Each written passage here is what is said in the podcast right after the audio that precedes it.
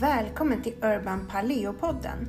Podden för dig som brinner för naturlig livsstil och hälsa, men med en modern touch. Stenåldersliv på storstadsvis kallar vi det. Jag heter Cecilia Isaksson och i den här podden kommer vi att möta alldeles vanliga människor som har gjort helt fantastiska hälsoresor med naturliga metoder. Häng med och inspireras du också.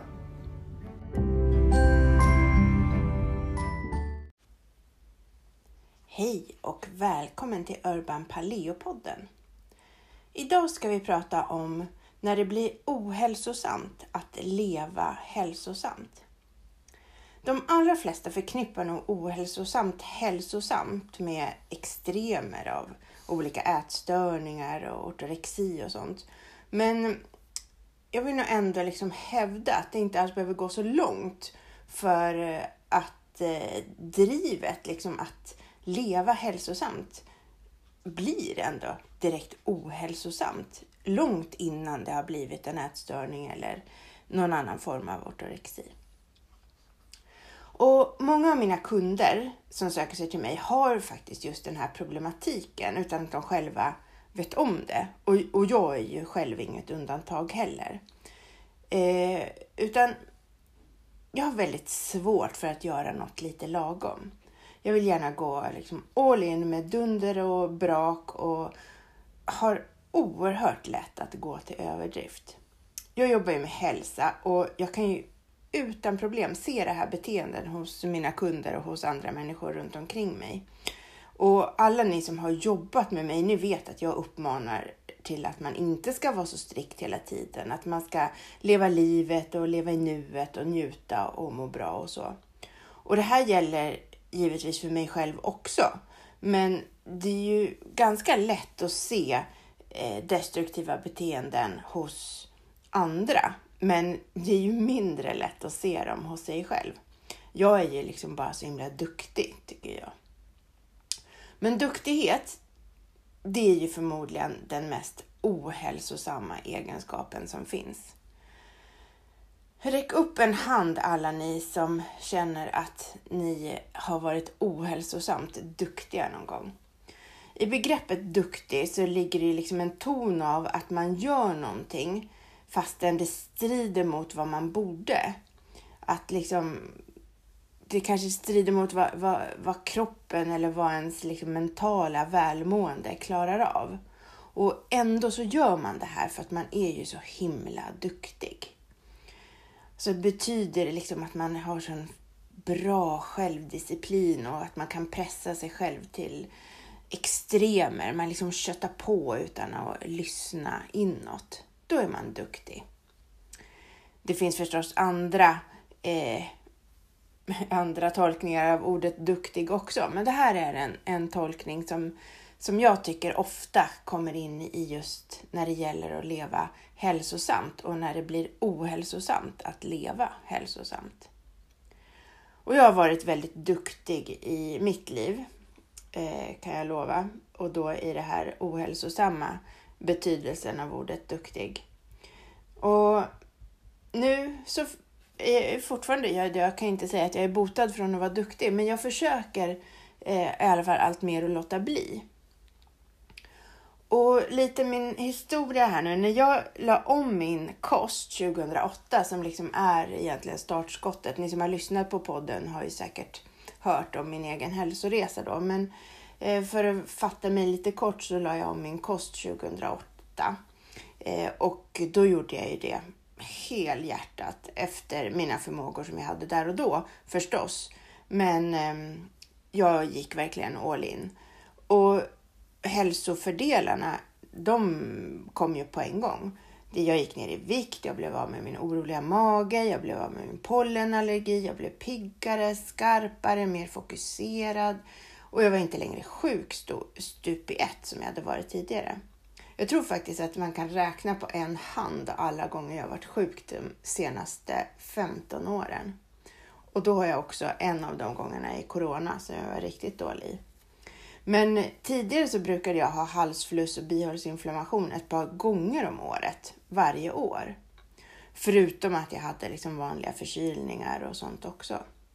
Och det är förstås ganska farligt att jinxa sånt här, men Just nu har jag inte varit sjuk sedan juli 2021 och det är ändå juni 2023, så det är nästan två år. Och att eh, ändra på kosten, det har ju varit en fantastisk hälsosam förändring för mig. Och sen jag gjorde den här stora förändringen då 2008 så har jag gjort en massa andra kostförändringar eh, under tiden bara för att jag tycker att det är så himla kul och så spännande att se hur min kropp reagerar ja, men, på olika typer av fastor. Jag har testat ja, men 16-8 var väl, är väl det som jag har testat mest och har levt i under många, många år med 16-8 fasta. Men jag har även eh, fastat i flera dagar. Jag har ätit bara ett mål mat om dagen och så vidare och så vidare. Och jag tycker att det här är så himla spännande att se. För kroppen reagerar ju hela tiden när man gör även de minsta förändringar med kosten så reagerar ju kroppen. Och jag tycker att det är det, mest, det roligaste som finns att se vad det är som händer. Vad händer om jag bara äter kött i ett par veckor? Vad händer om jag bara äter grönsaker? Vad händer om jag slutar dricka alkohol helt och hållet? Om jag slutar med kaffe? Hint, båda de här två har jag gjort och inte börjat med igen. Och vad händer om jag bara dricker vatten? Om jag bara dricker renat vatten? Vad händer om jag ökar på mitt saltintag? Vad händer om jag ökar på mitt fettintag? Vad händer om jag bara äter mättat fett? Ja, här ni som följer mig, ni vet ju att jag sällan följer de allmänna rekommendationerna. Eh, och är det någon som undrar något om, om det här så kan jag mer än gärna hjälpa er att hitta forskningsstudier som stödjer helt andra teorier än de som vi i Sverige har valt att att följa för våra folkhälsorekommendationer. Det är förstås det är en djungel att veta vem man ska lita på, men oftast när man läser om hur studien är utförd och vem som betalat den så är det ganska lätt att förstå ifall man kommer att tycka att resultatet är relevant eller inte. Men, men nu skulle inte det här handla om, om forskningsstudier utan det skulle handla om hur det kan bli ohälsosamt att leva hälsosamt. Och många gånger under mina experiment så har jag liksom försatt mig själv i en stress. Eh, ja, och det kan vara olika saker som den här stressen, men eh, många gånger så har det hänt att jag, att jag eh, inte har, det har inte blivit en hälsosam, eh, ett hälsosamt experiment för mig för att jag har helt enkelt eh, ja, men blivit stressad över att inte följa tillräckligt noga det jag har föresatt mig för att göra. Jag har liksom inte varit tillräckligt nöjd eftersom jag inte varit så strikt som jag hade velat. Eller strikt då, eller, eller duktig för att använda ett ord som kanske mer beskriver själva problemet här. Och det här kan ju förstås ske, eller ske, det händer mig inom vilka områden som helst när det gäller hälsa. Det är inte bara med kosten. Det kan till exempel vara hur många träningspass jag tycker att jag borde träna på en vecka för att vara duktig. Och när jag säger duktig nu så gör jag liksom så citationstecken så att ni ska förstå att det är den här, den här icke positiva tolkningen av ordet duktig. Um, så om jag inte tränar så många pass eh, eller fler än de passen som jag tycker så blir jag liksom, kan jag bli stressad över det. Men jag kan också bli stressad över att jag inte har eh, jag har inte tiden att träna alla pass som jag vill. Och då blir det liksom som att jag förlorar hur jag än gör. Hur hälsosamt det än är att, att träna så förlorar jag vare sig jag tränar eller inte. Eh, i, ur en stresssynpunkt då. Eller duktighetssynpunkt. Och det kan också handla till exempel om hur mycket jag mediterar, hur mycket tid jag avsätter för att meditera och det här att meditera, det är ju ett sätt att stressa av och det kan i sig då bli enormt stressande istället. Jag eh, har liksom blivit rekommenderad av min meditationslärare att sitta två timmar varje dag och, och meditera. Och för att jag då ska känna mig duktig eh, så är det ju det jag eftersträvar. Men vissa dagar så kanske det blir bara en kvart och ja, andra dagar om jag mediterar i två timmar så kanske jag inte hinner med att göra massa annat som jag också borde göra. Så det blir samma sak. Det blir liksom att jag inte jag, jag, kan liksom inte vinna i den här. Jag kan inte vinna i den här duktighetstävlingen. Och det här händer ju då med andra saker som jag också gör för min hälsas skull, som yin-yoga och spiralstabilisering och, och så vidare. Det är jättehälsosamma aktiviteter i sig. Men så fort jag sätter någon form av duktighet, stämpel liksom på dem, så blir de genast jätteohälsosamma för mig att utföra. Och jag jobbar enormt mycket med personlig utveckling och eh, ja, förutom då med, med min egen hälsa, eller det är ju förstås också, det är ju min inre hälsa, den personliga utvecklingen. Och jag blir ju, alltså jag blir gång på gång, jag blir så chockerad över att jag inte är smartare än så här. Att jag liksom hela tiden faller in i samma duktighetsfälla. Och ibland så går det ju bra och jag liksom hinner ta tag mig i kragen i tid. Men ibland så gör det ju inte det. Och jag har ju eh, under de här senaste 15 åren flera gånger eh, gått in i väggen eh, och bränt ut mig. Men som jag brukar säga till mina kunder, ibland så är det hälsosammaste du kan göra att gå ut och ta en öl med dina kompisar och glömma allt annat. Att liksom sluta vara duktig helt enkelt. Men det här är ju bara ifall du kan slappna av och njuta av det. För om du ska få dåligt samvete och ångest så är det ju ganska onödigt att gå ut och, och, och dricka öl. Då kan du ju lika gärna eh, göra någonting annat. Och för min del så är det här någonting som jag, jag verkligen försöker att eftersträva, men jag har väldigt, väldigt svårt att komma dit. Det är svårt för mig att, att inte vara duktig. Dels för att jag tycker att det är kul eh, och dels för att jag jobbar med hälsa och det är också mitt allra största intresse. Det är det jag liksom har som hobby. Eh, och jag har under en lång tid haft liksom mina förhöjda kortisolnivåer som fokusområde för min hälsa. Och jag har absolut förbättrat dem väldigt mycket, men inte helt och hållet. Och det är ju just den här duktigheten som sätter käppar i hjulet för min kropp att komma till rätta med dem. Med kortisolnivåerna alltså. Och kortisol det är ju vårt stresshormon och det är absolut inte dåligt. Det är tvärtom. Det är ett jättebra hormon att ha. Men just när man konstant har en väldigt hög nivå av kortisol så påverkar det hälsan negativt. Och jag kan visst säga att jag har i livet haft många yttre anledningar att ha högt kortisol. Men med tanke på hur mycket jag jobbar med det så är det extremt irriterande att inte ha fått till det bättre än så här, vad jag har fått idag. Men eh, nu så har jag ett, eh, jag vet inte om jag ska kalla det för experiment, men på något sätt så är det ändå ett hälsoexperiment som sedan hösten 2021, så jag är, är, snart inne på två år, så jobbar jag faktiskt aktivt med att inte vara så duktig hela tiden. Jag gör fler avsteg från min kost, eh, även om jag liksom ändå försöker hålla mig inom de ramarna som gör att jag fortfarande mår bra. Men förut så kunde jag liksom känna att jag hade förstört allt genom att bara äta en daddel. Eh, för att det liksom skulle påverka eh, mina värden och allting eh, negativt.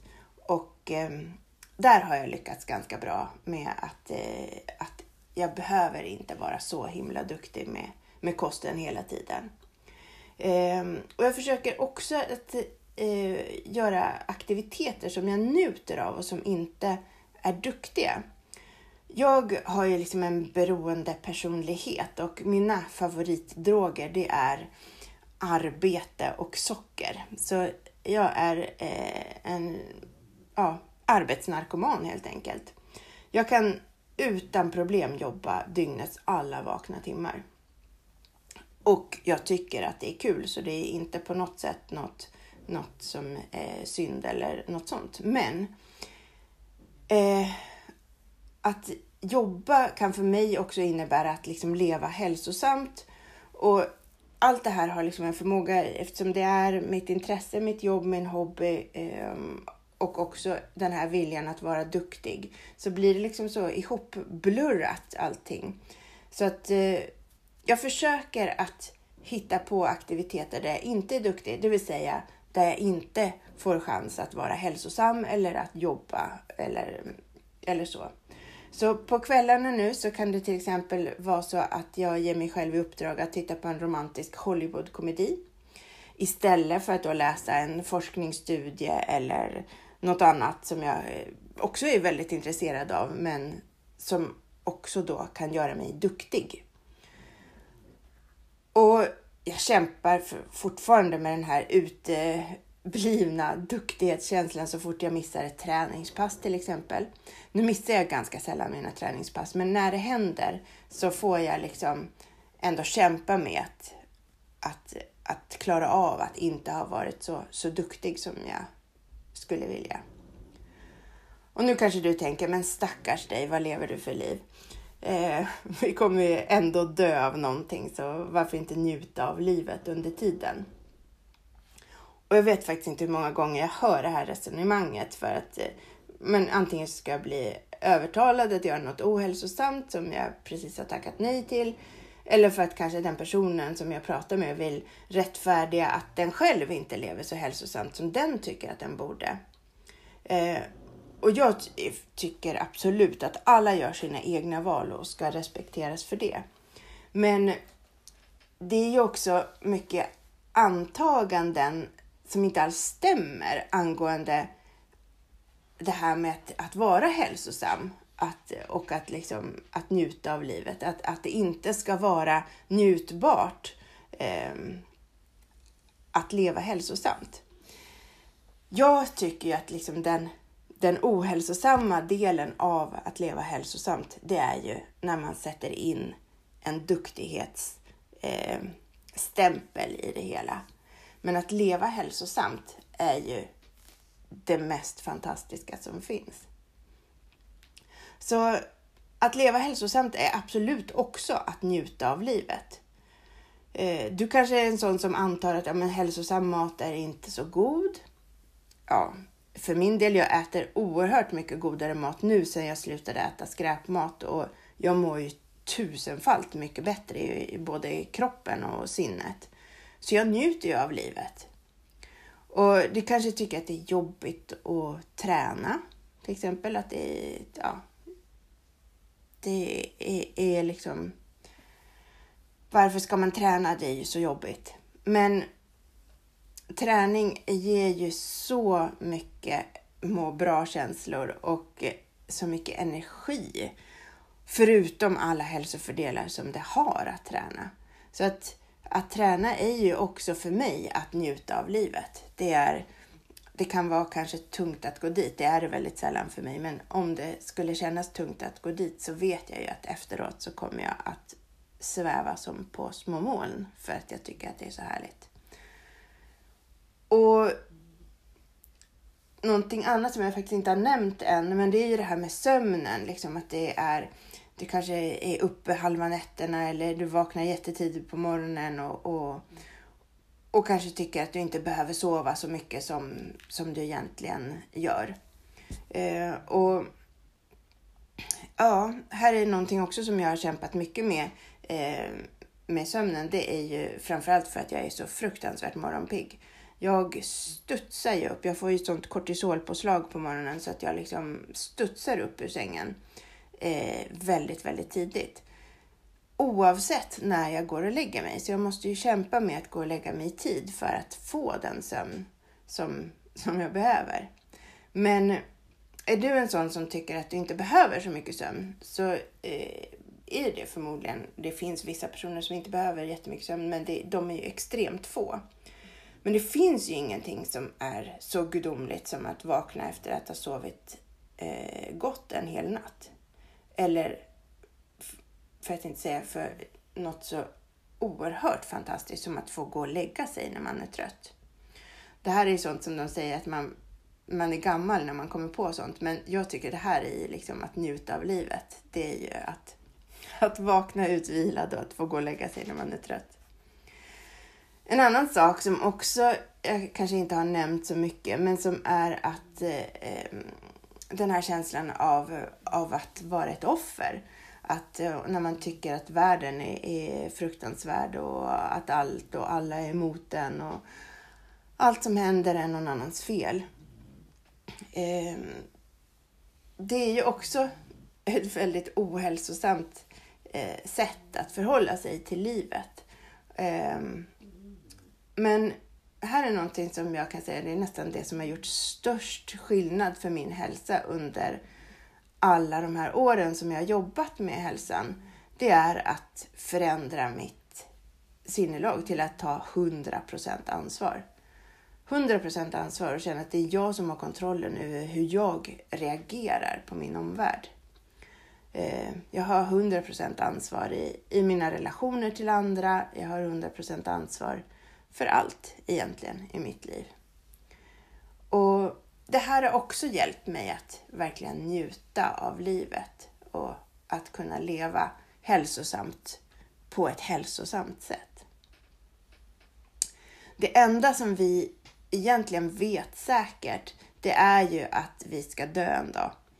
Och nu för tiden så går ju döden ofta långsamt eftersom vi blivit så duktiga på att hålla sjuka och gamla vid liv. Och min tanke är då när folk säger till en att man ska, att man ska liksom njuta. Strunta i, strunta i det, njut av livet nu. Men varför inte njuta av livet med sånt som också är njutbart i längden? Inte bara sånt som kanske känns bra just i stunden. För det är min övertygelse att när du tar hand om dig själv så blir du både friskare och starkare när du blir äldre. Och då kan du luta livet till fullo ända tills det blir dags att ta farväl. Trixet och kruxet, det är ju bara att göra allt på ett hälsosamt sätt.